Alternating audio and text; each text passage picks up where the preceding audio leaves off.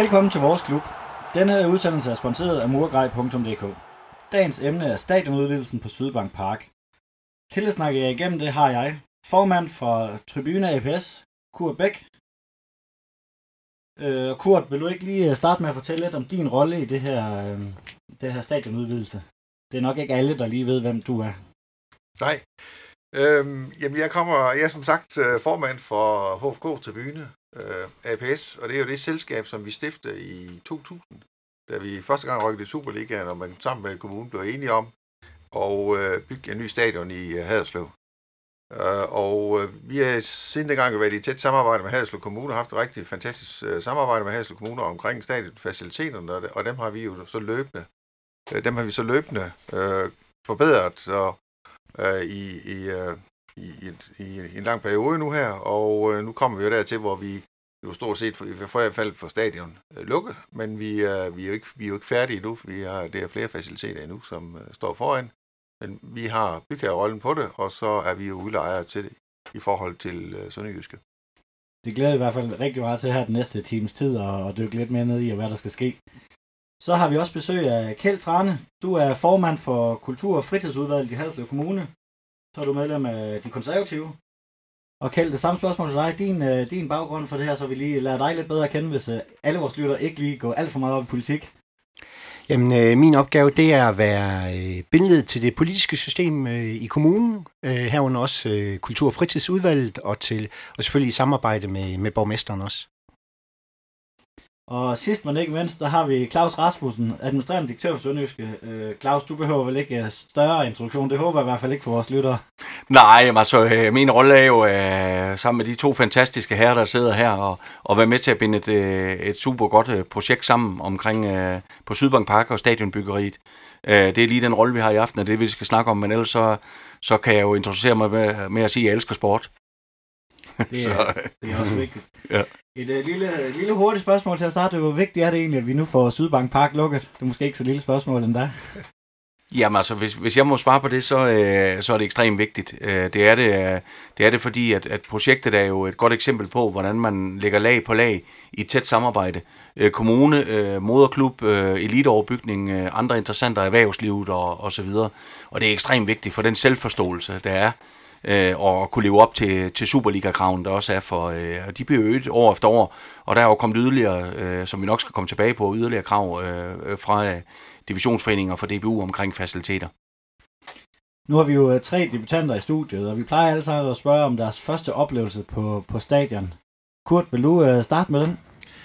Jamen, første oplevelse på øh, Haslev Stadion, som den jo helt i starten, som nu her Sydbank Park, det var jo faktisk til indvielsen i august 2001, den blev indviet.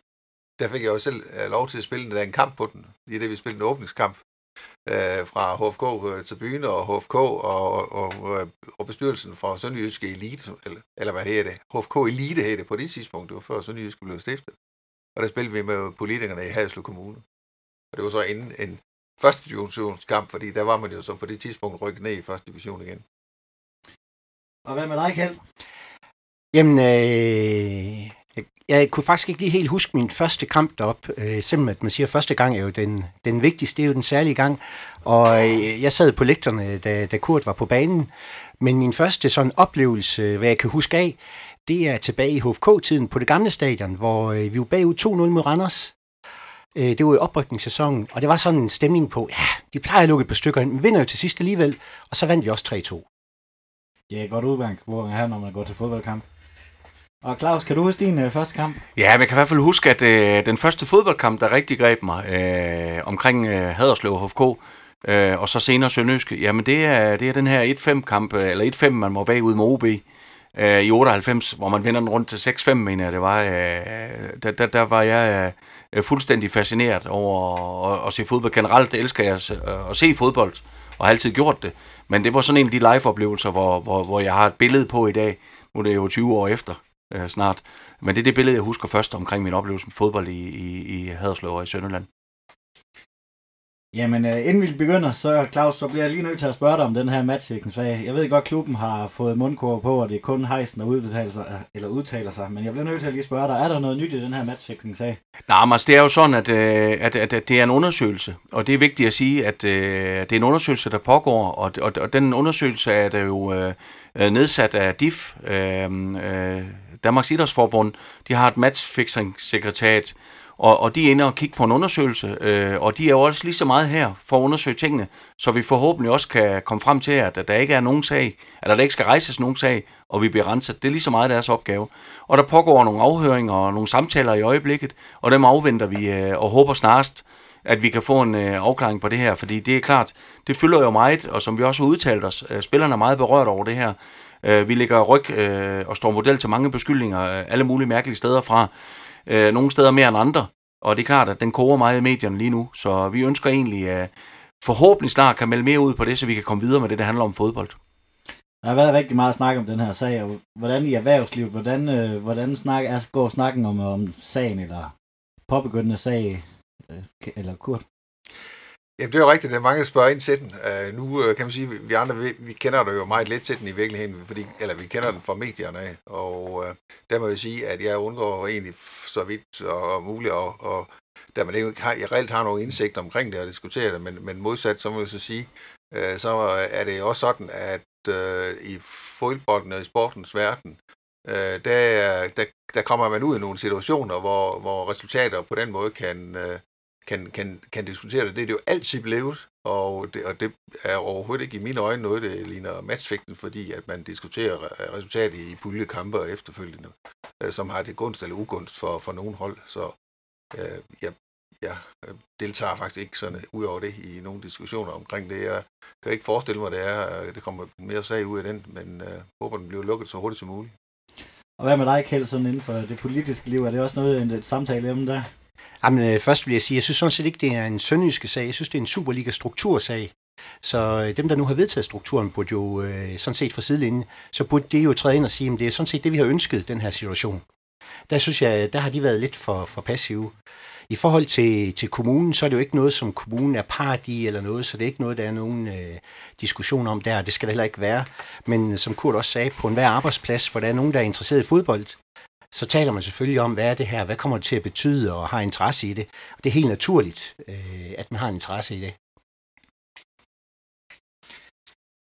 Jamen, øh, hvis vi går videre til, hvorfor jeg egentlig har inviteret jer i dag, så er det jo, Haderslev Stadion har altid været, øh, været til grundlag for debat, øh, både under HFK, HFK Sønderjylland, men i særdeleshed øh, under navn Sønderjyske.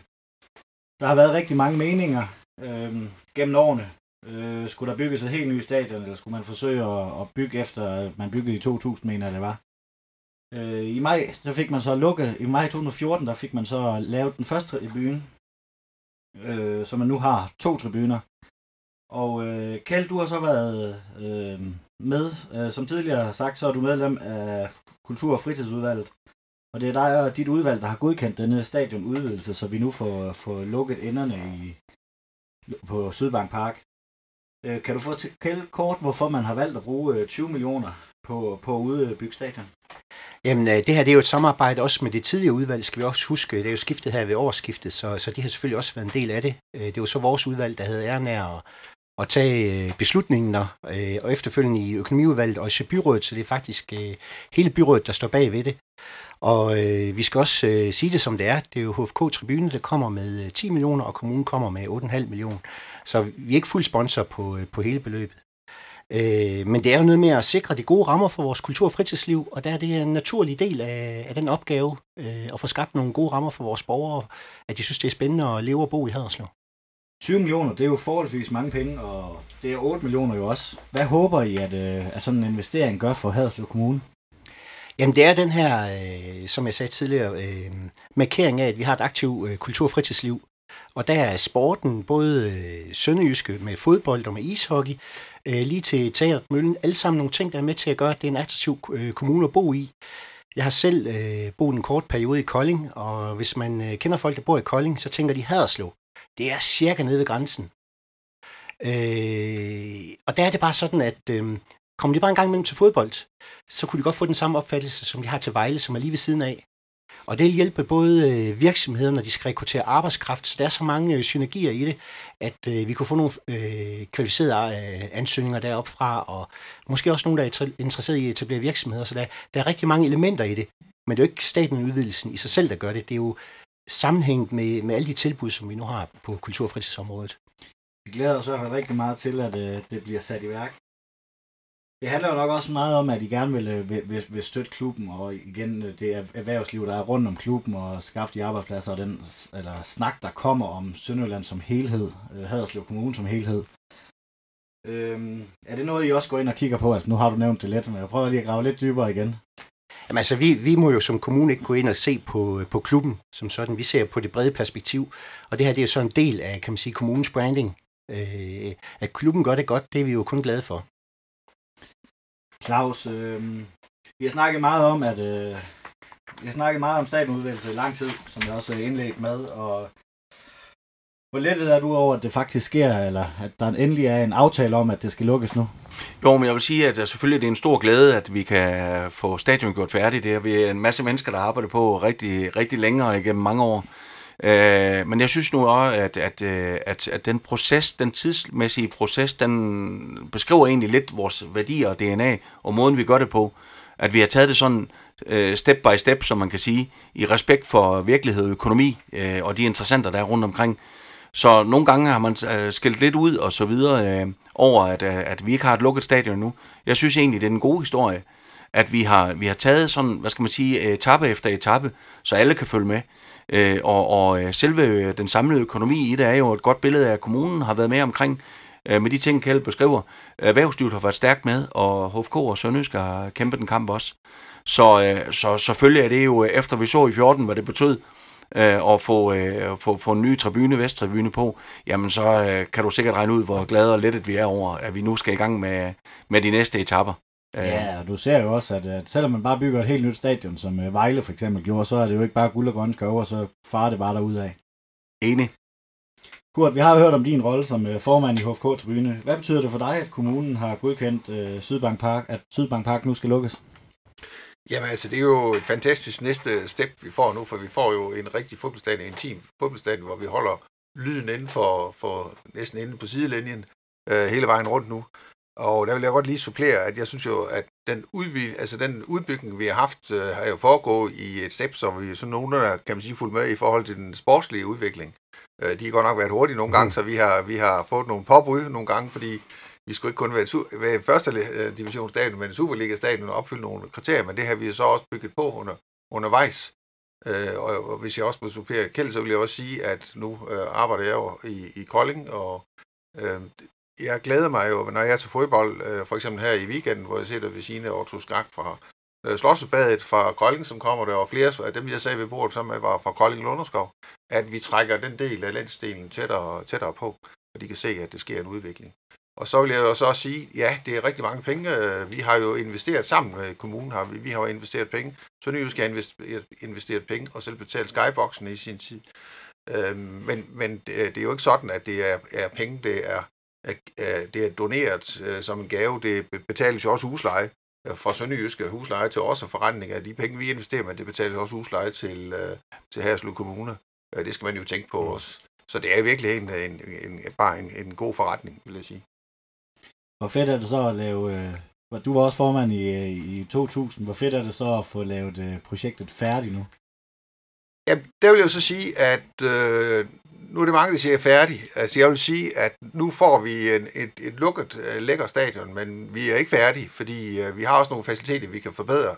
Uh, det bliver noget udsat sted, det bliver toiletter, og jeg er ikke sikker på, at vi er færdige med erhvervsklubsangse, kan man sige, faciliteterne. Uh, det, er noget, det er der, vi har rykket i hele tiden langt foran der, hvor vi har været i virkeligheden. Vi får 100 mere, uh, flere pladser nu i, i loungen, vi kan være 700 spisende. Men, men jeg tror stadigvæk på, at det, det kan blive behov for yderligere. Der gør vi jo det, vi forbereder i Nordtabyen, at det kan bygges yderligere faciliteter og, mødelokaler på der. Øh, men nu har jeg i spøg sagt, i min bestyrelse siger det jo altid, øh, jeg sagde i spøg, da jeg startede som formand, at jeg stoppede, når vi havde 10.000 sædepladser mm-hmm. på Haslev Stadion. Og der, nu bygger vi så begge byen med ståpladser. Det er fordi, jeg skal lige have et par år mere. Øh, men når vi så kommer ud i Europa og spiller igen, så monterer vi stolene, og så kan jeg så stoppe jo som formand. Jo vi andre som fans, vi har snakket utrolig meget om øh, nærmest øh, ugen efter Viborg-kampen, da det nye stadion blev indvidet, at øh, hvornår skulle stadion nu lukkes? Hvor længe har I egentlig talt det sådan, både i kommunen og i internt i Sønderjysk og i øh, HFK til byen?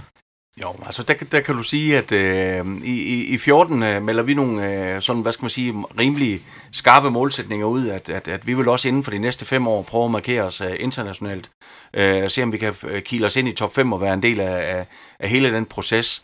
Men jeg synes egentlig, øh, det, det går lidt i hånd, som Kurt også siger, med udviklingen af stadion, at de sportslige resultater også følger med. Og det er jo helt naturligt, efter vi oplever den succes, øh, som det er i 14, 15, 16, med tilskuerfremgang, gode sportslige resultater osv., så er det helt naturligt grobund for en, øh, en, en, hvad skal man sige, en hurtigere og en tættere dialog mellem, mellem kommune, HFK og Sønderjyske, for hvordan kan vi, øh, hvordan kan vi komme yderligere step videre.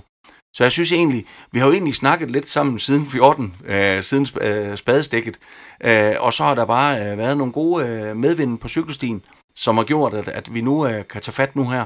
Og så skal man også øh, øh huske at sige, at, at, at projektet og, og den del, kommunen læner sig ind med, og sige, at vi gør det her færdigt øh, på en kortere tidshorisont, øh, rent tidsplansmæssigt. Det kan være, du kommer tilbage til det, Martin, men, men, men det er det er jo vigtigt, at kommunen også siger, at det her det, det skal gå rimelig stærkt. Øh, så den her byggefase øh, har man også øh, kortet lidt ned med tiden i forhold til de første forventninger, vi havde. Og det er jo i respekt for hinanden og smidigheden i selve logistikken i byggeriet, men så sandelig også, også at vi kan levere de rammer, vi gerne vil for at spille Superliga. Men snakken har vi sådan set, for at svare på det spørgsmål, den har vi sådan set haft konstant med hinanden, fordi vi er i utrolig god og tæt dialog med Haderslev Kommune. Hvor meget øh, bliver der så lyttet til, hvad, og fansene, bliver der også lyttet noget til dem, eller øh, hvordan for eksempel med fanklubben, om de får nogle lokaler eller et eller andet, det kommer jeg også lidt længere tilbage til, men bliver der lyttet noget til, øh, til ønsken for fanklubben for eksempel? Vi har altid lyttet til de gode fans. Det er helt unikt, den opbakning, vi oplever på Sydbank Park. Generelt i Sønderjyske, den opbakning, der er fra vores fans, sæsonkortholdere, almindelige publikum og sponsorer, men jeg vil sige, helt unikt, hvor man har flyttet sig på fodbolden øh, og, og egentlig en af de, hvad synes jeg, øh, og det uden at være totalt farvet her, et af de bedste, øh, bedste hjemmebaner stemningsmæssigt. Øh, der er så mange fodboldklubber, der kan lære den måde, øh, øh, fodboldsupport og sønderjyske øh, fodboldsupport bakker op omkring, øh, om, omkring klubben og rammerne, øh, og den atmosfære, der er skabt, efter vi har fået et endnu mere intimt stadion. Så forestil jer, hvad det kommer til at betyde, når vi har et, et færdigt og et lukket stadion, så færdigt som det bliver i den her omgang. Enig med Kurt, man kan altid bygge mere på, og vi må ikke stoppe med ambitioner, men, men, men, øh, men det, er, det er helt unikt. Så vi stopper med at kalde det et, øh, et færdigt stadion, så kalder vi det et lukket stadion. Er det, vi aftaler? Ja, et lukket og intimt stadion. Ja, lukket og intimt stadion. Kurt Kjell, har I øh, nogen tilføjelser til det? Jamen, jeg vil godt sige også i forbindelse med det projekt her, altså når vi, øh, og især i 14, hvor de så det store step også med Vesterbyen, men vi har jo vi har jo ikke været i gang med, med større projekter på stadion, uden vi har haft fansene med. Vi har vi har, vi skal jo, vi skal jo, vi har jo det et skræddersygt legemål, vi laver til Sønderjyske, som de skal lege, gerne have optimale betingelser. Det skal fansene have. Vi holder møde med den skrivende presse, vi holder møde med tv, vi holder møde med dem, der holder banen, vi holder møde med alle det involverede ind over for at få det bedst mulige resultat ud af det. Og jeg har jo været rundt og se alle stadioner, vil jeg sige næsten i Danmark. Jeg har også været på nogle af de store i Europa, det er lidt større, men, men jeg synes, vi får et rigtig lækker stadion. Og eksempelvis ved sidste Øh, projekt, hvor vi også får øh, nogle øh, skyboxe, hvor de kan komme ud og få stemning, komme ud og se på stolene, hvor det er mange stadions, hvor de ikke har samme muligheder, hvor de... Altså, det er, det er rigtig mange ting, man sådan skal tælle med i alle beslutninger, og der, der er fansene også vigtige, og jeg synes, det, også øh, nogle gange, når, jeg synes, det er også, det, for, for mig er det også spændende at komme ud og se udbanekampene, hvor man er sammen med fansene. Det er vi så typisk ikke til hjemmebanekampene, fordi der er ved erhvervsklubben. Jeg synes, det er virkelig spændende at være sammen med fansene også, og se deres kultur, og lære dem også. Nu er det her fanprogram, og så bliver jeg nødt til at komme med et lille drildt spørgsmål, eller det mest drildt til Horsens faktisk. Tænker I på, at lysanfaldet på stadion, uh, for i sollyset på uh, Kassa Arena i Horsens, det er nemlig et kæmpe problem, og det er derfor, de har til tider sådan en ringbane. Noget, I har gjort jer nogen overvejelser om? Den får, den får Kurt lige, den der. Ja. så, Jamen, vi har allerede fået den, øh, når du tænker solindfald, du tænker græsset og alt muligt, hvordan det, det Men nu det får det, jo mere vi lukker det. Mm. Øh, der har vi jo haft møder, og vi har fået nogle ønsker fra dem, der vedligeholder stadion, om man kunne indkøbe et øh, såkaldt drivhus med, med kunstig lys øh, for den del af banen, som ikke får så meget sol, og det har vi med i overvejelserne nu. Nu skal vi se, hvor langt øh, vi kan, pengene kan, kan række i denne her omgang. Men det er en af de ting, vi har med i, øh, og er opmærksom på. Det er vigtigt, at man lærer af andres fejl Ja. også. Mhm. Jamen, øh, inden vi går videre til lidt mere tekniske del, så har jeg jo bedt jer om at lave en, øh, en pibekoncert og en Fenerbahce. Kjeld, vil du øh, starte med en? Jamen, øh, pibekoncerten, der har jeg sådan en, øh, jeg har sådan fodbold, det er noget med følelser, det er noget med passion, det er noget med, øh, det er et billede på livet med retfærdighed og uretfærdighed. Og så er der noget, jeg kan blive træt af, så er det, der hedder VAR, øh, Video øh, Assistant Refereeing, hvor øh, kampen bliver sat i stå, der er ikke nogen, der ved, hvad der sker, og så får man en kendelse. Jamen, dem, der har lavet mål, de har egentlig glemt, de har lavet mål, så de har ikke den her passion og begejstring over, at de har lavet det. Øh, jeg tænkte på vej ud i bilen over situationen Rusland-Tyskland i finalen til VM. Der bliver begået et straffespark. Dommeren han, øh, har ikke set det, så to spark, så ligger den i kassen op i den anden ende. Så kommer der video assistant refereeing ind over. Den dom vil jeg nødig skulle tage. Mm. Så kan jeg altså bedre lide det som nu, hvor fodbold det er. Jamen, der er en kendelse fra 66, man stadig kan diskutere. Og det er jo det, jeg synes, der er fascinerende ved fodbold. Det er, at der er nogle uretfærdigheder, men man kan diskutere dem. Det er det, der giver passion på stadion. Øh, Så det er min pibekoncert. Pibekoncert til var. Ja. En Fenerbahce. En Fenerbahce, der har jeg sådan set to. Den ene, det er sådan generelt til frivillige foreningsliv. Jeg synes jo, det er jo fantastisk, hvad de gør. Og selvfølgelig her ved Sønderjyske. Alle dem, der stiller op øh, uge efter uge på stadion, frivillige, øh, uegennyttigt, øh, for at være del af et fællesskab og for at give nogle andre mennesker en oplevelse, det, det synes jeg er helt fantastisk. Øhm, og så lige en anden en, jeg lige kan klemme ind der. Stemningen på Sydbank Park. Øh, jeg synes jo, det er fantastisk, for øh, jeg tror, det er en eller to sæsoner siden, hvor Sanka sagde, det er dem svært at komme på Sydbank Park, fordi de har jo, de har jo stadion med sig.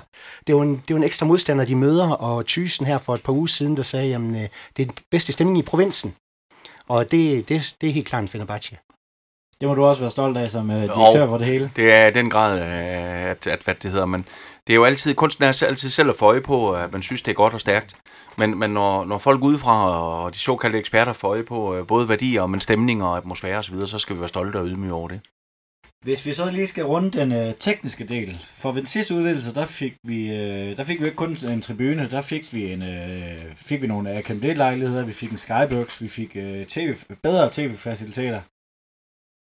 Øh, ligger der noget andet i den her aftale, end det kun er staten, der bliver lukket? Ja, altså nu ligger det jo selvfølgelig i aftalen. Vi, vi, nu får vi indertribunen lukket, øh, men vi forbereder jo også til, at det kan monteres øh, stole. Øh, så i forbindelse med en eventuel, eller når vi skal ud og spille Europa, så er det forholdsvis let at montere stole, som kan lukkes op øh, og låses fast. Det vil sige, at man kan både bruge dem som ståpladser, men man kan også åbne dem som, som stole. Det har vi set også, da vi var, vi fik også lidt ideen i Drammen. Det er jo rart at komme ud og se Mhm. nogle af de der kampe, det her, de blandt andet de stole monteret. Så, så det er også en fleksibilitet, og nu her, der får vi så øh, nogle øh, lounge-faciliteter øh, forbedret, hvor vi også bruger det til andet end fodbold. Vi spiller jo trods alt kun fodbold en cirka 20 gange om året. Vi bruger jo også gerne lounge-faciliteter og skal have lavet forretning i alt det, vi laver. Øh, så det, er- det er også en af de ting, vi gerne vil forbedre nu i, i, med lounge, i lounge-faciliteterne her, i det her afsnit. Men vi, vi, sat, vi arbejder jo hele tiden på øh, at se nogle andre forretningsmuligheder øh, for at gøre forretning, kan man sige, virksomheden og forretningen så bred som muligt. Øh, og det er jo også derfor, at det er jo meget mere end en Superliga-stadion. Altså det er jo, er jo også liv deroppe, det er jo akademibolig, det giver liv, det er øh, sportelbogen, det lejes ud til træningskampe, det er moderklubben deroppe, som jo er Jyllands største moderklub, som har hele sit liv der, øh, deroppe. Det er mødefaciliteten, og som også i lav, altså her det skyboxen, som bruges løbende Mm. øh, til møder. Øh, og det er jo det, vi i virkeligheden ønsker, det er, at vi får så meget liv deroppe som muligt. Vi ejer jo også kunstgræsbanen på stadion. Øh, jo flere vi kan trække til i træningsophold og andet, øh, jo mere forretning giver det i, hvor den, i den samlede pakke. Så, øh, så, så det er da også et håb om at udbygge den pakke, vi har i forvejen. Ligger der nogle øh, tegninger øh, klart til projektet? Jeg så, hvis jeg søger på nettet, så ligger der nogen øh, fra, ja, hvornår er de fra 2010 eller sådan noget. Masterplanen. Ja, masterplanen. Er det den uh, tegning, I går nøjagtigt efter?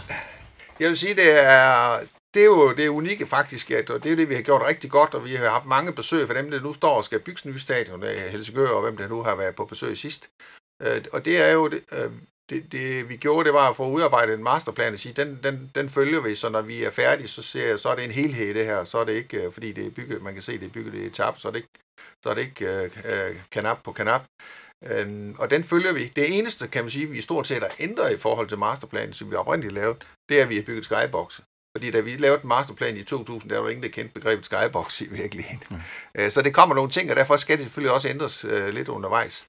Øh, men men vi, vi, følger, vi følger masterplanen, og de tegninger, der ligger nogle tegninger nu, og de er sendt ind til kommunen. Vi har faktisk søgt byggeandragen, altså byggetilladelse til projektet. Vi har listation her den 18. april, uh, og så er vi selvfølgelig meget, meget spændt på de priser, vi får ind. Uh, om det nu lige passer i forhold til vores kalkulationer. Og så er det jo tanken, vi går i gang her i, i maj måned. Så det ligger en helt klart øh, plan for det, og det ligger tegning over det. Det, det er klart. Nu nævner du selv, at I øh, håber at kunne gå igen, øh, i gang i maj måned, og så skal det byggeriet så foregå under slutrunden, og så skal det være klar til den nye sæson, eller hvordan? Ja, det er sådan, altså tidsplansmæssigt går vi øh, i gang, fordi vi vil selvfølgelig gerne, øh, vi har også nogle, øh, vi går i gang med udbaneafsnittet, altså dels har, har man jo også der Øh, også haft nogle henvendelser i forhold til DBU og kravene til udbanefansene, der skal have lige så gode betingelser som hjemmebanefansene. Øh, og vi, vi har da også, vi vil jo, vi har jo godt set dem stå og fryse i regnvejr og alt muligt andet, og vi vil gerne give de bedste muligheder på stadion, og, de, og det, det får de så nu også. Og, og øh, så derfor starter vi med overtækning på udbaneafsnittet i maj, og forventer at gøre den færdig hen i september. Øh, så vi bruger lige den ekstra måned, vi får i forbindelse med VM i fodbold også til at få udbanet afsnittet forhåbentlig, så vi får den øh, hurtigt øh, færdig.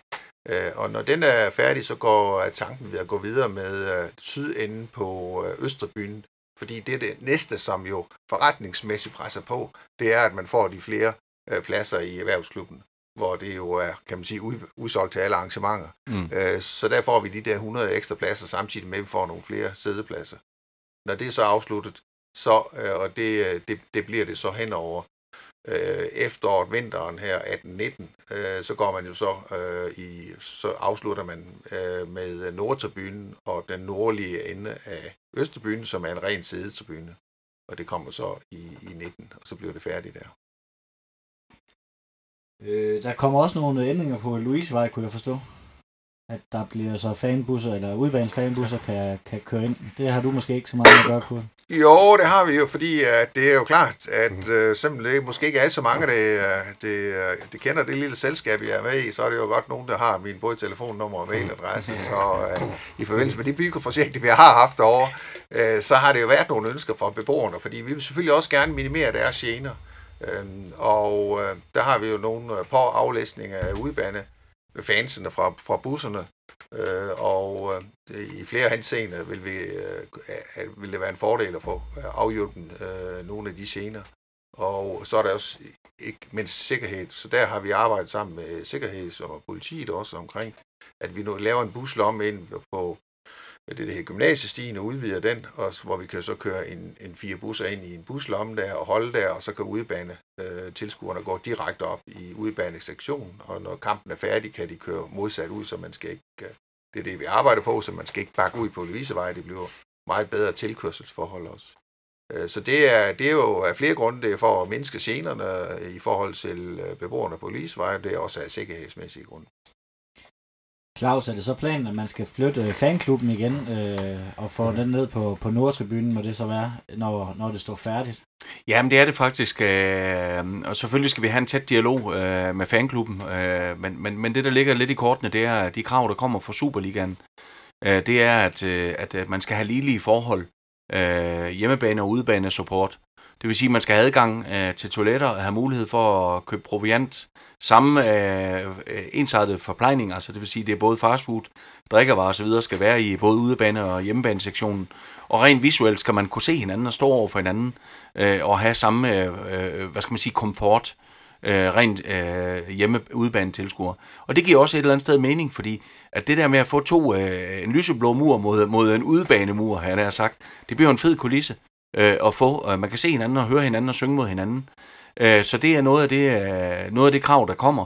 øh, som et helt fast krav, og det var det, Kurt beskriver, at, at der, er, der, er nogle, øh, der er nogle ting ovenfra, som der skal gøres noget ved, hvis vi skal spille Superliga. Så det er selvfølgelig også været med i argumentationen, at, at, øh, at det er vigtigt, at vi så lytter til det og, og, og bliver en del af det. Når vi så kommer i gang med at bygge, øh, og, og vi kommer til at rave lidt ind i sæsonen, så er man øh, for DBU og Divisionsforeningen meget ops på, at man kan planlægge ud af det. Øh, så, så vi egentlig laver øh, programmet efter, øh, hvad skal man sige, de større, større kampe kommer, når syd er overdækket. Øh, og vi er klar til at kan levere den vare, vi skal, for at være en del af Superligaen til 18 i Brøndby, der har de jo noget, der hedder Café 1964. Kunne man forestille sig noget i mindre målstoksforhold selvfølgelig i Sønderjyske med, at man, man fik et eller andet fanområde nede under tribunen eller et eller andet?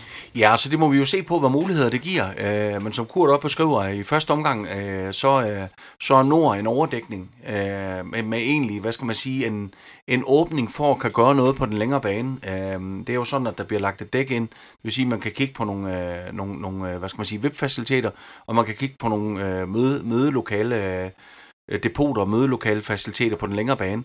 Øh, og det skal vi jo, øh, der skal vi absolut øh, lytte til de gode idéer og se, hvad mulighederne, mulighedernes kunst er. Men alt, hvad vi kan til gode se, hvad skal man sige, supporterne, fanklubben osv., jamen det, inden for de muligheder, vi har, der vil vi jo gå planken ud. Hvad betyder det så for klubben, at blandt andet, at, at sponsorfaciliteterne de bliver udbygget? Altså, kunne snakke lidt om erhvervslivet, og det bliver nemt at lege ud af flere lejeindtægter, men for klubben, sine øh, kamparrangementer, så det må også betyde en hel del. Jo, det gør det. Altså, det, vi har jo et, et, et enormt stort pres. Øh, det er faktisk lidt vildt, at vi startede med at være i træningshallen, mm. når vi havde arrangementer, og den fyldte vi op. Og så kom vi op øh, og fik indvidet stadion i 14, hvor vi kom op i, i Fuglsand Loungen, øh, som hurtigt blev fyldt, og, så, og nu fylder vi plateauet op. Øh, og og øh, til nogle af de sidste kampe, jamen, der har vi haft øh, et eller to andre mødelokaler i, i, øh, i brug, det vil sige, at vi er ved at være tilbage ved det gamle. Vi er spredt over hele idrætscentret. Ikke at det, at det, det er jo også mulighedens kunst at lykkes, når der er så stor en, en tilstrømning. Så derfor bliver det ekstremt vigtigt, at vi får flere kvadratmeter, øh, hvor vi kan afvikle arrangementerne. Øh, så vi øh, ikke skal sige nej til nogen, eller, eller øh, hvad skal man sige, skille ligesom erhvervsklubben af. Så det får en, en stor betydning for os. Og så er det rigtigt, at vi sagt, at der skal betales lidt husleje for at, at, at, at være lejer på sådan en stadion. Og der skal vi ud og der skal vi også ud og lykkes med at, at dels få fat i, øh, i erhvervslivet, som siger, at vi kan se nogle muligheder i forhold til at være medlem af erhvervsklubben, men også får vi nogle tribunenavne i spil. Øh, der kommer jo to nye tribuner, øh, og hvad skal de hedde, øh, de kære, kære børn? Øh, og det er, jo, øh, det er jo min opgave og salgsteams opgave at se, om vi ikke kan få, øh, få, få dem i, i spil også med, med, med, hvad det hedder, nogle virksomheder, der vil stå bag de her tribuner. så vi får nogle indtægter, så vi kan betale huslejen. Øh, og, det, og det kan vi, øh, fordi der er stor opbakning, og vi har jo vist i, øh, i fodboldforretningen, at vi øh, over en længere periode kan drive øh, en ansvarlig butik, øh, som også øh, viser sort bundlinje. Det skal vi fortsætte med, øh, men vi skal fortsætte med at have øget opbakning, for ellers så, øh, så flytter vi os ikke som klub. Der skal have flere og flere, øh, hvad skal man sige, ressourcer til, for at kan være en del af, af den del af Superligaen, vi gerne vil være. Så øh, jeg håber på, at der kommer flere sponsorer. Jeg håber på, at vi kan få nogle kommercielle navne på tribunen, og jeg håber også på, at, at der vil komme en noget større søgning, uh, matchday-søgning. Altså det vil sige uh, tilskuere, uh, flere, uh, vi kan fortsætte den positive trend med tilskuertallet, og forhåbentlig også, at det ikke sneer hver gang vi spiller, uh, så, så, så hånden ikke fryser fast på en fadøl, fordi det har været for koldt til at drikke øh, fadøl på det seneste. Uh, men, men sagt med glemt i øjet, vi skal, vi skal have noget stemning, atmosfære, og, og det vil et intimt stadion hjælpe med til. Endnu bedre atmosfære og faciliteter for supporter, faner og sponsorer.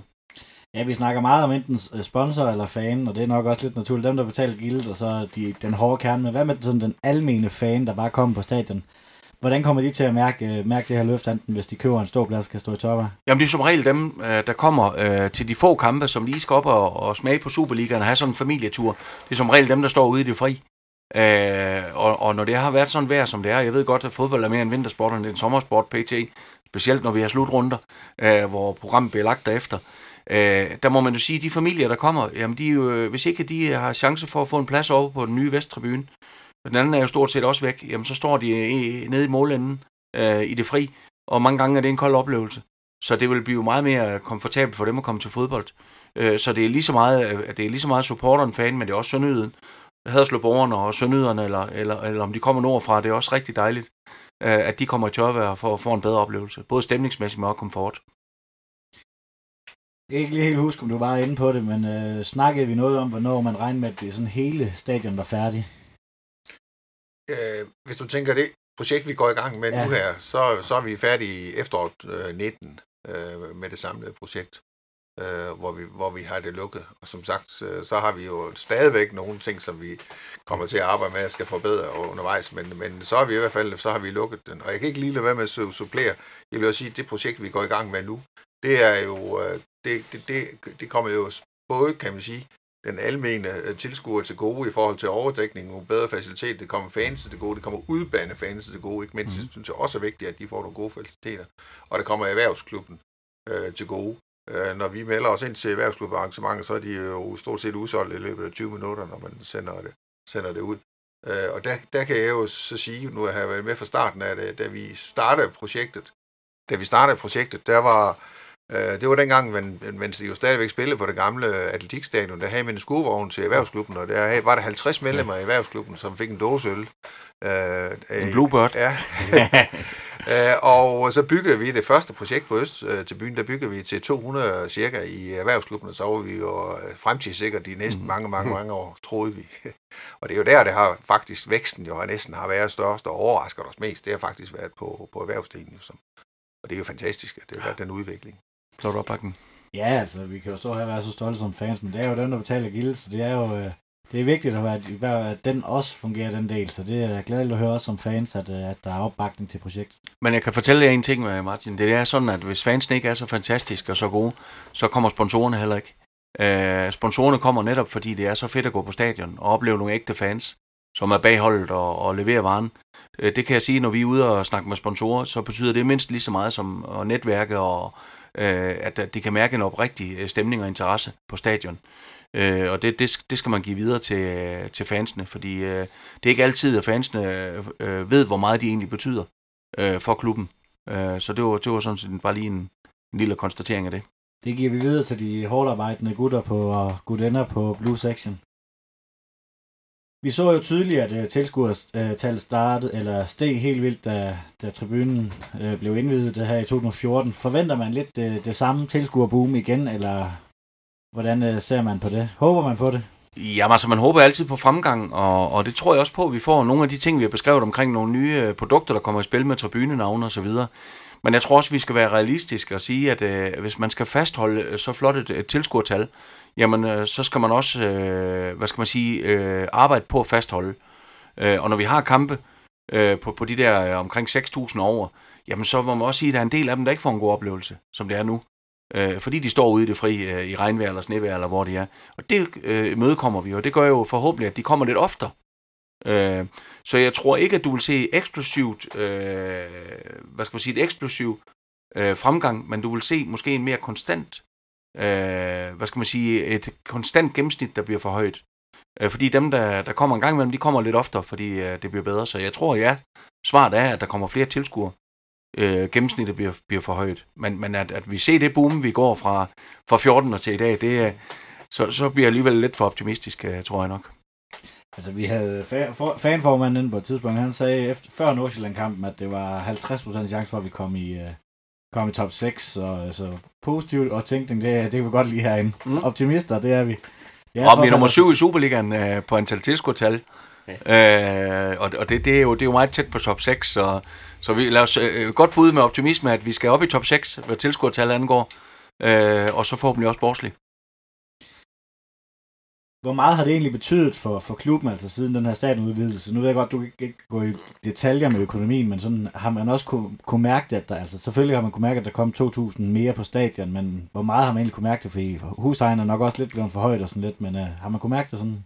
Jo, men du kan sige, at, øh, at det, det er selvfølgelig også nogle, øh, hvad skal man sige, nogle, nogle omkostninger, der følger med, men, men jeg tror egentlig der, hvor du kan mærke, du kan mærke det på to fronter, du kan mærke det rent forretningsmæssigt, øh, hvad det har betydet, og der er der også meget med selvforståelse øh, og, og de her ting, vi har været inde på. Men selvforståelsen er at have et godt stadion, og, og, og, og, og man kan se, at udviklingen går i den rigtige retning. Det har været med til at, at smitte af på økonomien. Og så vil jeg sige noget, der også er vigtigt, det er, at altså, når man skal tiltrække fodboldspillere, øh, så er det ikke helt ligegyldigt, hvordan faciliteterne ser ud. øh, og hvad projekter man har i støbeskeen. Fordi øh, det vil jeg undre over, men altså, der er mange fodboldspillere, der spørger, hvad er, hvad er jeres øh, planer omkring stadionudvidelser, og hvor vil I hen med jeres fodboldhold, og er det, er det, er det kun en døgnflue, eller skal vi lægge lag på og lag på? Og et byggeri og, og en udvidelse og en færdiggørelse af stadion er jo det bedste eksempel, man kan have, når man snakker med nogle fodboldspillere, øh, og man gerne vil rekruttere ned til, til Sønderland og til, og til Sønderjyske. Så på den front har det også, også stor betydning, øh, at, at spillerne kan mærke, at der sker noget, at der er en god udvikling i gang i klubben, øh, også med faciliteter.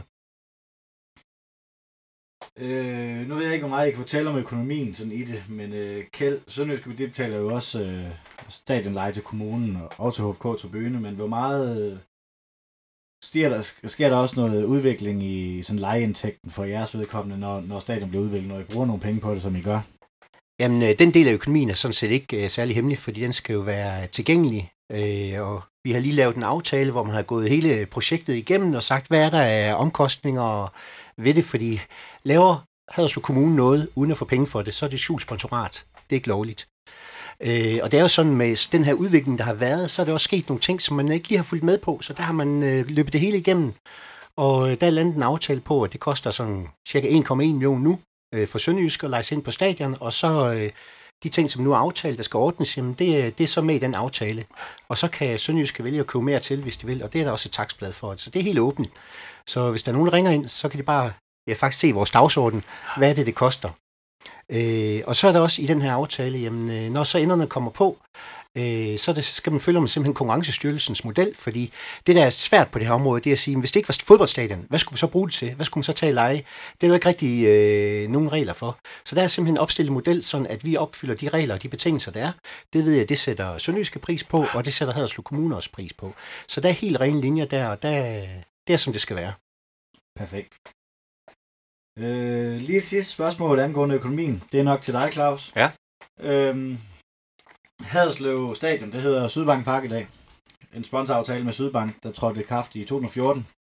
Det var en femårig aftale, så den udløber næste år. Det kan jeg i hvert fald regne ud med min, øh, min matematikkunde.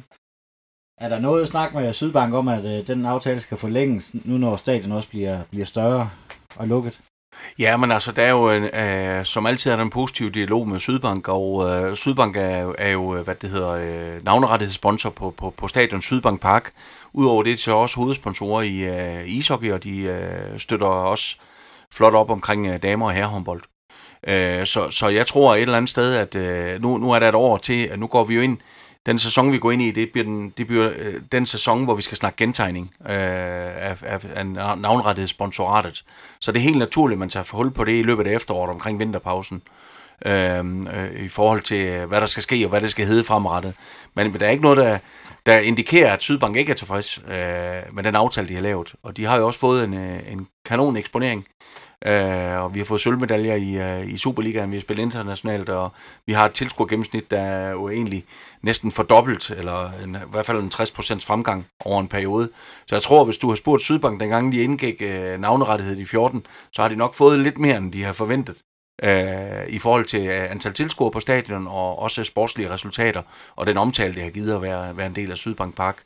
Så lad det være en uh, åbning fra min side til de gode Sydbank-folk, der lytter med her, at, uh, at, at uh, vi er meget, meget tilfredse med samarbejdet. Det håber jeg også, de er.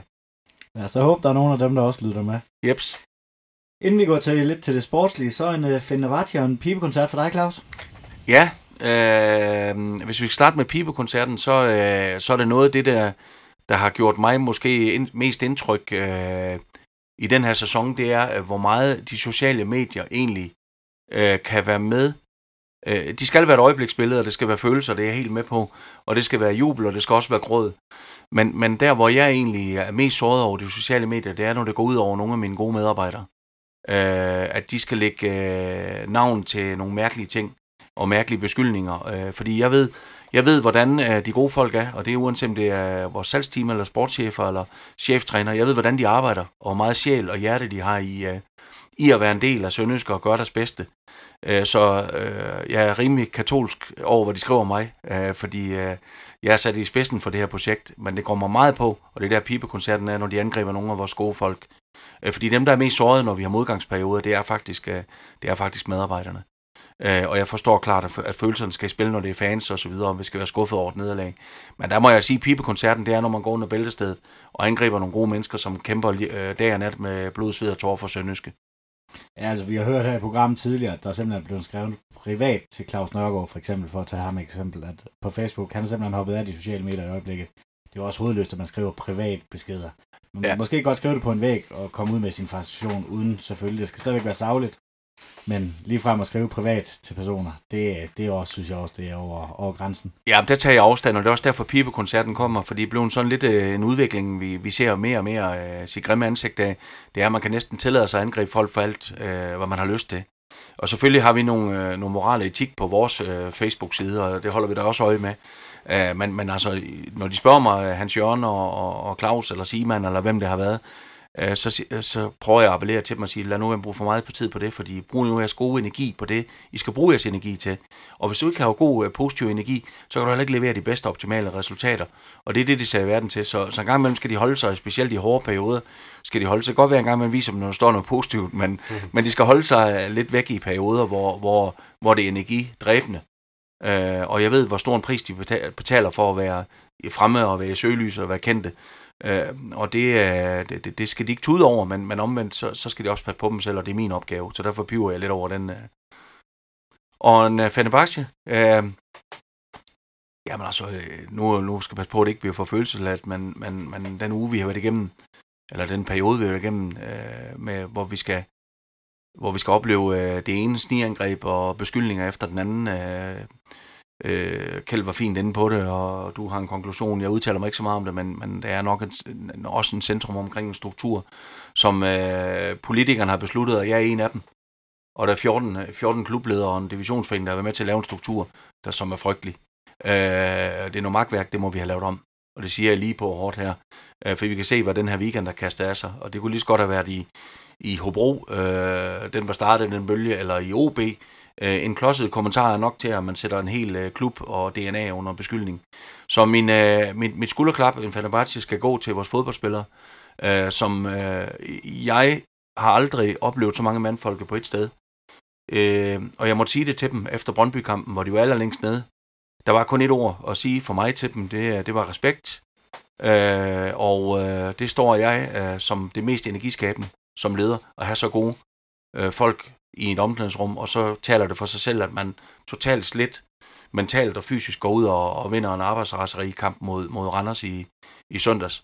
Og man kommer igennem se, øh, på seks dage med tre kampe, hvor man spiller en god anden halvleg i OB, spiller brav en kamp mod Brøndby. Det er marginalt, vi ikke går i øh, pokalsemifinalen mod måske Danmarks PT bedste hold, og vi redder os i Superligaen. Jeg ved godt, det må jeg ikke sige, øh, for der er matematik stadigvæk, men vi har 11 point og en bedre målscore.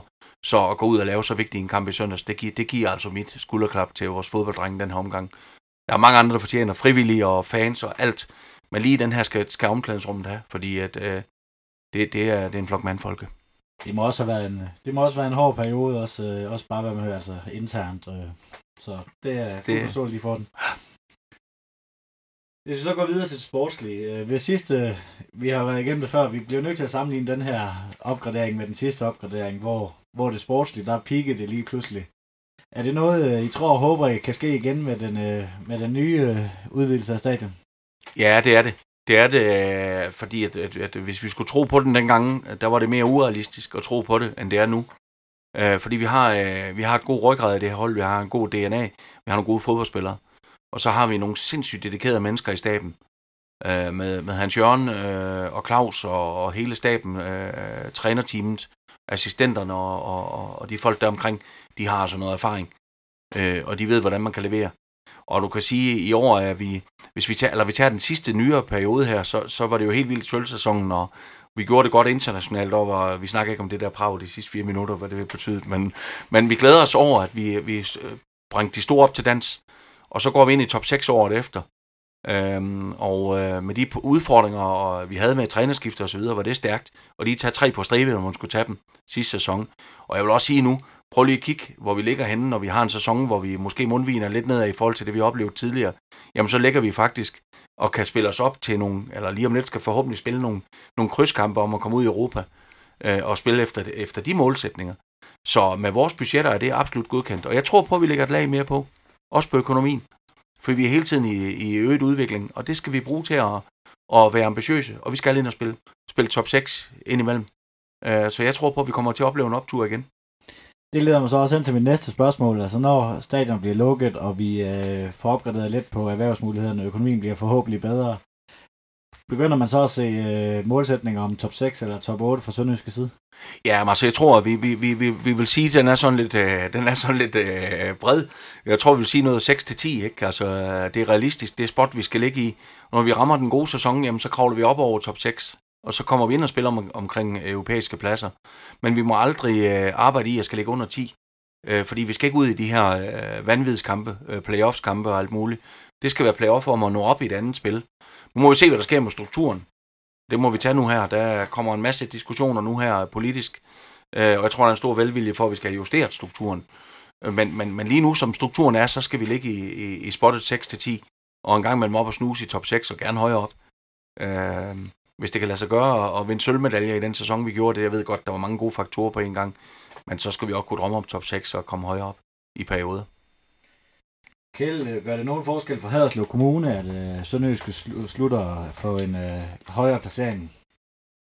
Jamen altså, øh, for kommunen som sådan, så tror jeg ikke, det så kan man ikke sige, det er så afgørende, om, om Sønderjysk bliver nummer 5, nummer 6 eller nummer 7. Øh, det, det er jo mere, at, at vi er øh, med i Superligaen, og man kan jo sige det sådan lidt, vi er også kommet med i trekantsområdet, og vi er jo øh, trekantsområdets øh, Superliga-hold. Øh, det nyder jeg også Øh, meget glæde af for min kollega oppe i Vejle. Han, han håber på, at der kommer et mere. Øh, men, men det der med, at det er os, der har det for hele det område, det betyder altså noget. Så, så det her med, at vi er Superliga-hold, det betyder noget. Og selvom Vejle skulle være så heldige og dygtige at rykke op, så vil de jo stadig være storebror her. Det er jo en helt anden situation, end vi kunne forestille os for, for bare 10 år siden. Øh, selvom det er lang tid siden, de har været med, så er der noget historie ved Vejle. Så, øh, så det betyder rigtig meget. Øh, og så kan man så sige, der hvor, hvor vi havde øh, sølvsæsonen, den fællesskabsfølelse, det giver i vores kommune med borgerne, mm. selv folk, der ikke er interesseret i fodbold, taler fodbold, der får vi skabt noget, og det er det samme, når, når hockey piker også. Der får det skabt noget, at selv folk, der ikke er interesseret i hockey, har en, en holdning til det og følger med i det. Og så er der så nogen, der siver væk, når det ikke går så godt. Det ved vi også godt. Sådan, sådan skal det jo være. Claus, tror det betyder noget for de spillere, man kan tiltrække ved, at uh, det bliver lukkestat? Du har været lidt inde på det, og ja. nu, er du ikke, uh, nu sidder du ikke i, i hejsens stol, men... Uh, jeg er meget sammen med ham. så. så du kan næsten udtale dig på hans vej. Ja, ja. Men jeg tror det også, det betyder noget, at man kan komme til sådan en intim atmosfære, et lukket stadion. Jamen, nu har vi heldigvis, heldigvis Danmarks øh, dygtigste sportschef, øh, som sparker mig alle mulige steder hele tiden, for at vi skal lægge tryk på. Øh, og det er selvfølgelig ved det område, når han også har haft på sin ønskeseddel, det er, det er, at vi gør noget på stadion, og vi lykkes med de ting.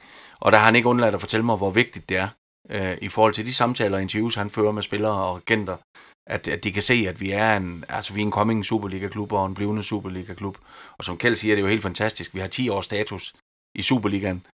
Jamen, hvis der er nogen, der har sagt det, øh, hvor vi lå som Hitchcock-hold øh, hver år i, i kanten øh, og kæmpede for overlevelse på sidste spillerunde, så ville vi godt have solgt den for det.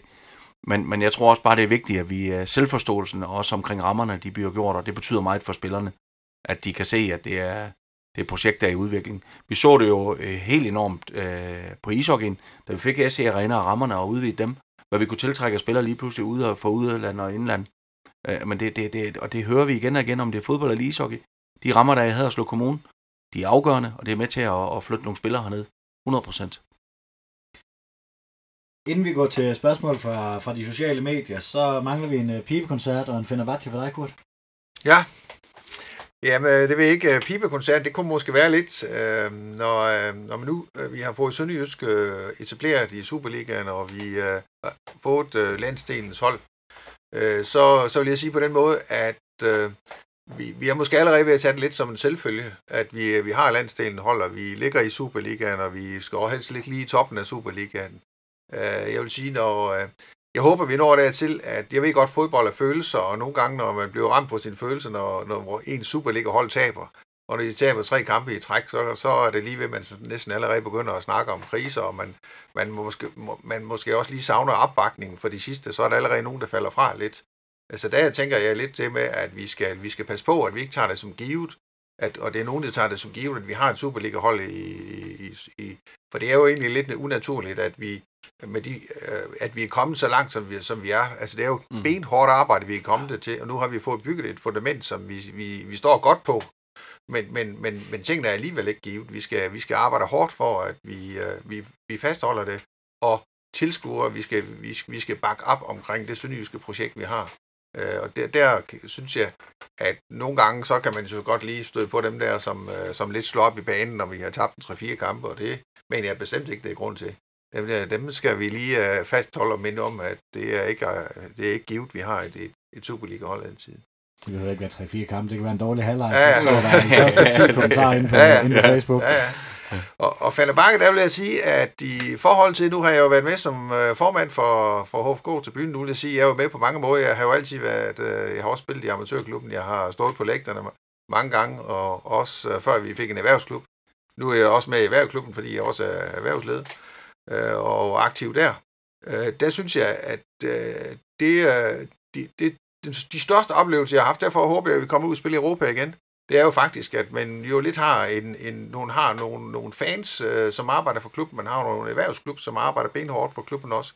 Og begge dele er, er, er jo enormt vigtige. Øh, og, det er, og, og erhvervsklub mellem kommer det jo virkelig hen for at høre fansen, og fansene, de, øh, de, de, de kan man også sige på den måde, at, at erhvervsklubben, der kommer og deltager selvfølgelig også i den økonomiske del af opbakningen til, til klubben.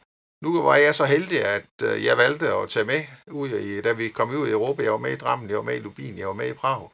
Det, det var en fantastisk oplevelse, fordi det er jo der, at når vi kommer på udebane, så får vi det fællesskab mellem fansen og erhvervsklubben. Og det ved jeg, de erhvervsklubmedlemmer, som også var med på turen. Og de fans, der var med også at se de fans, som tager bilen og kører til Drammen, og møder dem ja. i Drammen og alt det. Det var helt enormt. Vi havde tre, vi tog lige en tre dage deroppe, og lige sådan i, i Prag, hvor vi, vi havde nogle dage sammen med fansen og fra erhvervsklubben også. Det synes jeg, det var en fantastisk oplevelse. Der fik man forståelsen for hinanden, og hvordan øh, man også for fansen, hvordan man simpelthen offer alt for sin, for sin klub i virkeligheden. Øh, der, jeg lige vil sige på den måde, er det måske lidt det at være erhvervsklubmedlem, mellem, som det er i virkeligheden at være fans, de, øh, de offer sig endnu mere, vil jeg sige, for, for klubben, som vi i virkeligheden gør mange gange. Og der fik man fællesskabet af at se, og det glæder mig til, at vi skal ud og spille igen Øh, det, jeg synes også, det er spændende, når vi er i øh, Aarhus og ser opbakningen deroppe. Vi har jo mange unge drenge, der læser deroppe og, og mærker det. Jeg synes, det er, det er rigtig spændende at være sammen med fans, og derfor skal fansene have en kæmpe kado for det. Øh, de, de yder. For uden fansene, så var vi heller ikke der, hvor vi står nu. Enig. Yes. Så har vi et øh, par spørgsmål fra de sociale medier. Michael Damkær, det er åbenbart mest øh, dig, der er mest interessant, Claus. Jeg ved, Okay, de okay. andre ikke rigtig, øh, kender jeg to. Det er nok, øh, nok mere det, det, det er dem, der har været mest på fjernsyn. Michael Damke, øh, han skriver, øh, bliver de nye endetribuner bygget op i beton, som vi kender det fra andre stadions, så de bliver stejlere, eller bliver det bare overdækket med tag? Bare i citationstegn. Ja, det kan du egentlig Jamen, det er faktisk på. lidt, lidt kort øh, mere end det. Ja, Ej, de bliver udført i en øh, stålkonstruktion, altså overdækningen, og, det bliver i, i samme niveau. Det vil sige, at øh, taget kører bliver i virkeligheden forbundet hele vejen rundt i samme niveau.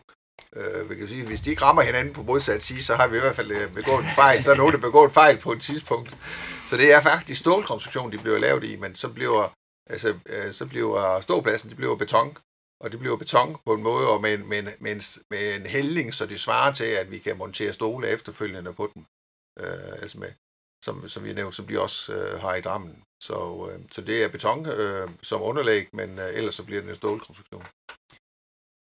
Øh, der er lige et ekstra spørgsmål til her. Morten, Morten Særlang, han skriver, om I har haft overvejelser, overvejelserne at lave safe standing, ligesom de har for eksempel i Celtic. Det er altså, hvor der er bølgebrydere ved alle. Altså, du, der er stadigvæk sædepladser, men der er bølgebryder over det hele, så, så, så man får folk til at stå op, selvom de reelt er sædepladser. Det kunne jo, så er man fri for at tage de der sæde, eller sæder ned hver gang, eller sætte dem op, når man skal i Europa, for eksempel. Jamen, det er jo egentlig faktisk øh, det, vi gør på endetribunen, fordi at det er, øh, de bliver monteret, øh, når de kommer som, som bølgebryder, og så er sæden klappet op og låst fast, så de fungerer faktisk, og tanken var jo, at de også i Superliga-kampene skal fungere som ståpladser. Men når så krav kommer til, at vi kun må bruge sædepladser, at så låser vi sædet op og, og klapper sædet ned, så det er, så det er sædepladser på det tidspunkt. Så man skal, øh, vi skal have, vi skal have stå op til Europacup kampe næste gang. Ja, med, mulighed, med, med forhåbentlig med mulighed for at ja. kunne sætte sæderne ned, ja. Ja. ja. Det lyder, det lyder ligesom det, de kalder whale seating i Celtic, det som, som det er her. Og det er jo fordi Morten, han er der, og han er en af mine gamle elever fra skolen af. Så jeg synes, vi skal sige til ham, at man sælger altså ikke sin legendetrøje, når man har sådan en. Nej, det, Det, skal, jeg jeg også det skal godt. han lige have at vide her, ikke også?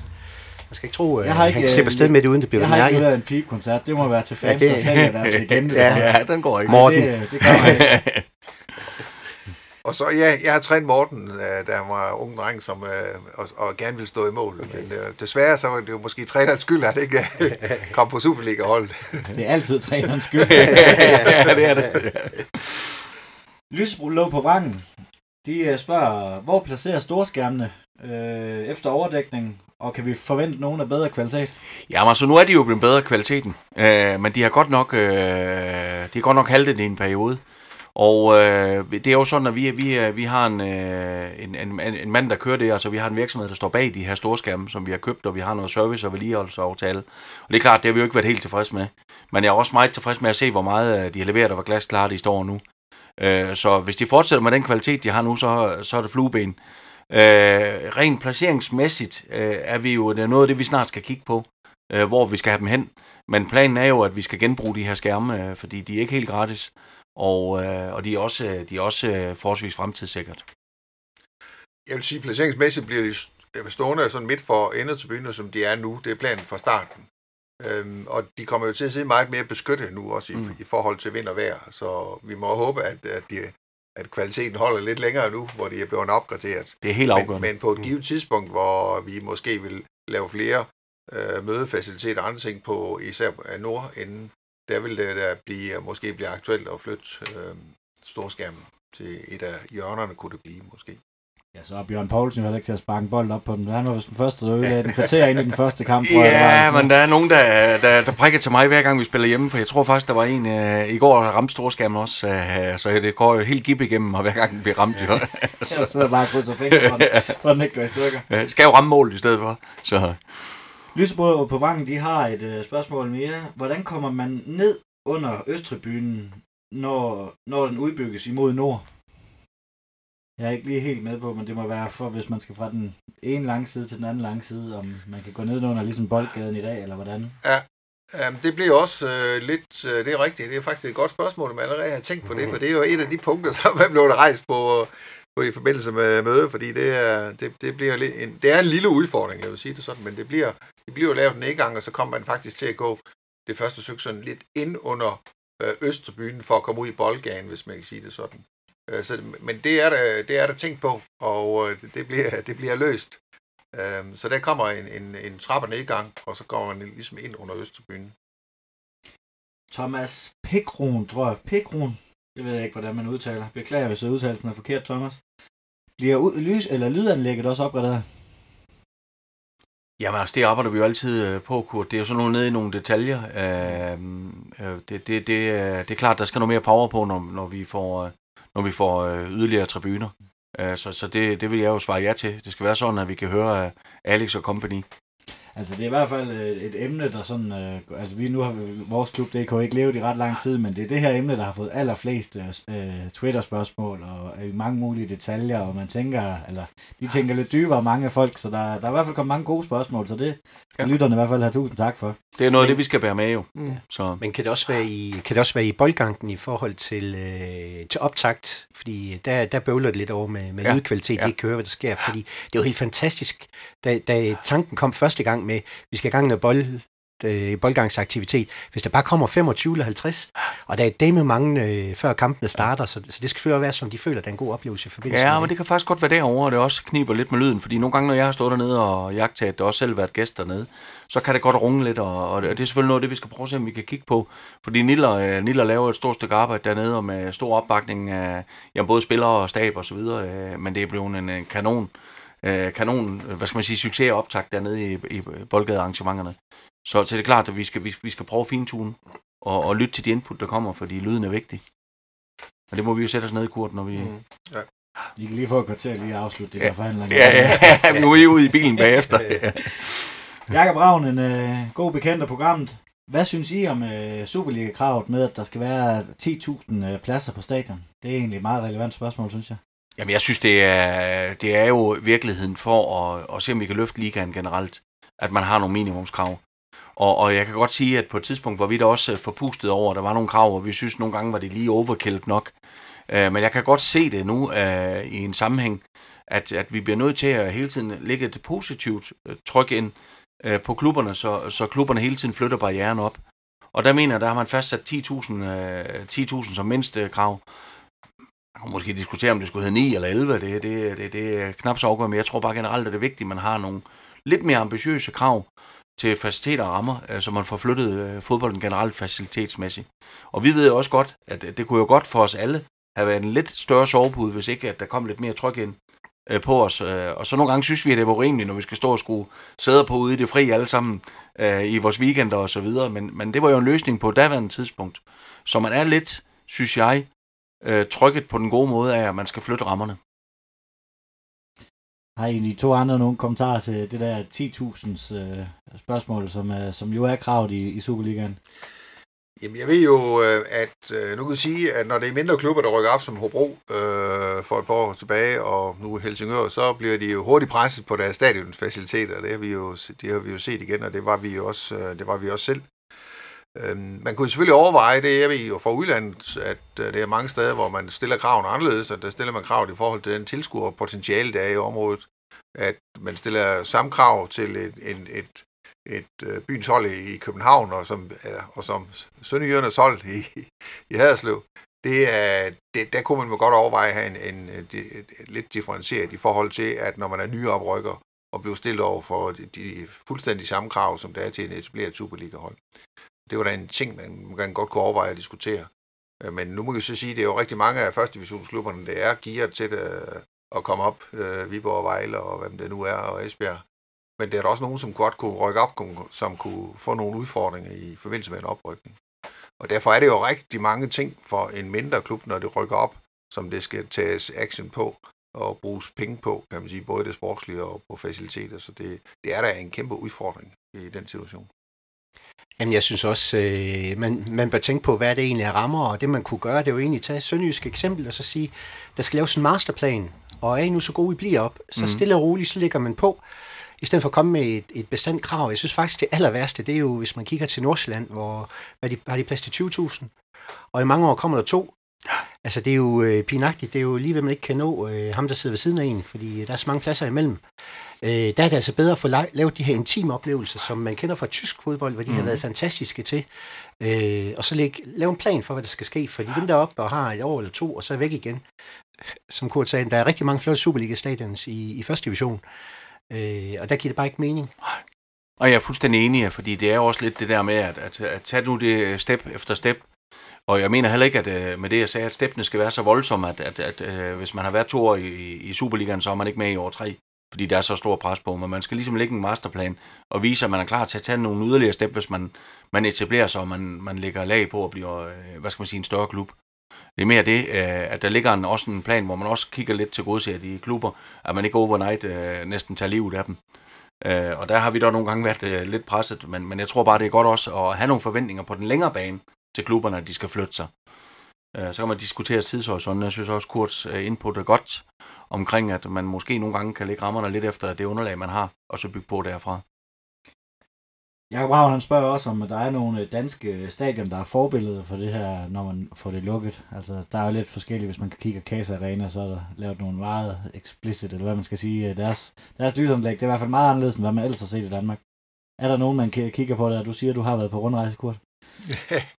det har jeg. Jeg, synes, jeg synes øh, faktisk, øh, nu har vi rundt og se mange af stadioner, også i forhold til de, øh, de faciliteter, vi skulle tilvejebringe, der, der vil jeg så sige, at Øh, de er rigtig kasse, de har nogle specielle øh, faciliteter. Det, lugter, eller det dufter ikke så meget af fodbold deroppe. De er jo virkelig også lukket mm. deres øh, øh, lounge-faciliteter og solgt det til en Encasso-virksomhed.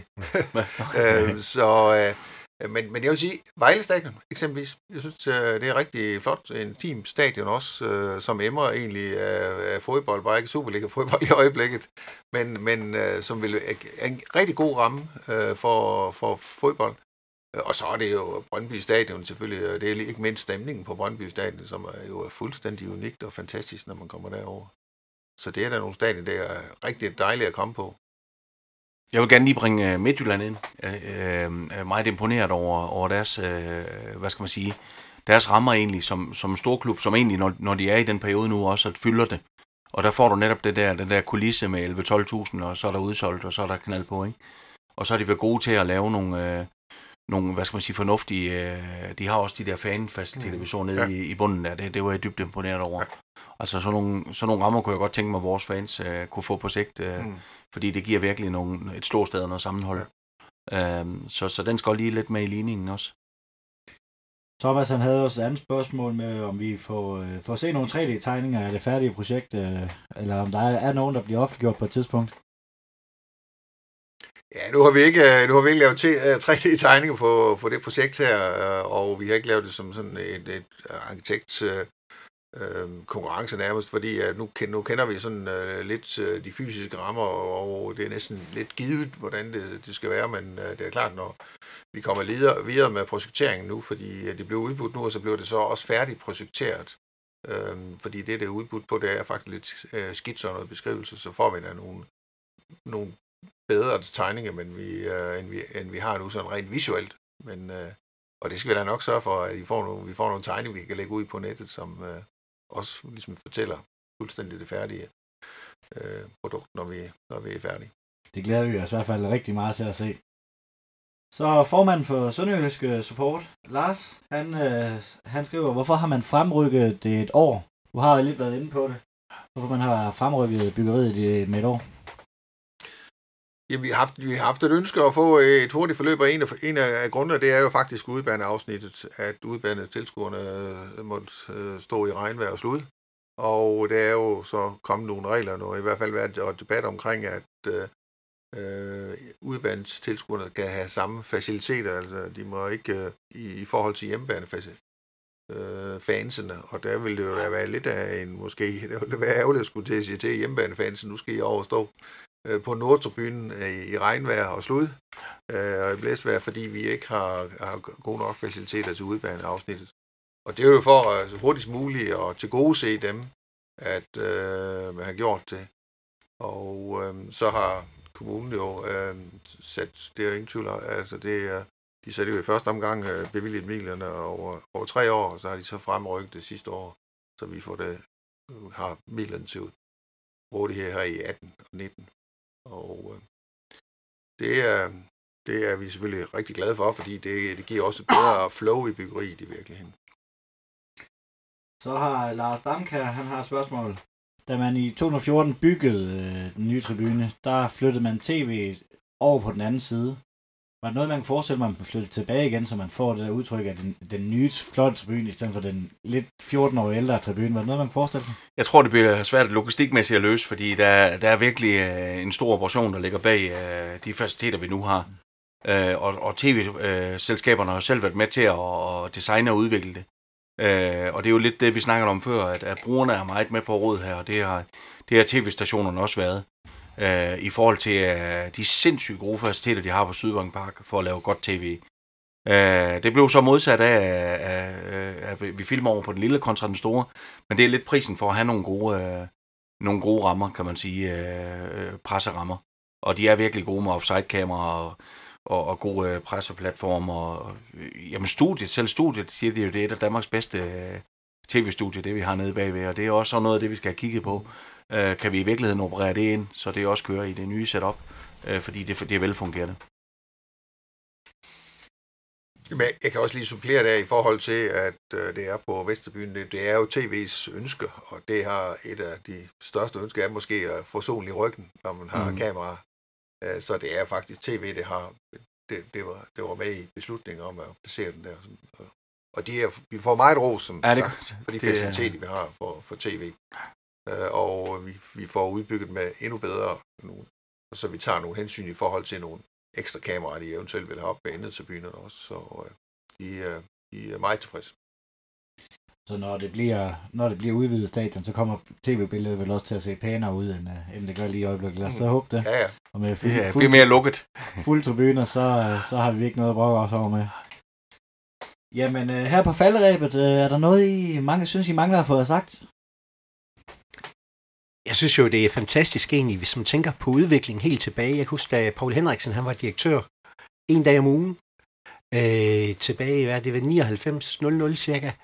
Og han sagde, at han ringte til København for at få fat i en spiller, så var det lyden af en, en lastbil, der bakkede, han kunne høre, for de ville hellere spille i første division. Jeg tror altså, hvis man ringer i dag, så, øh, så en helt andet øh, budskab. Øh, de kan godt se, at det kan være et springbræt til noget videre.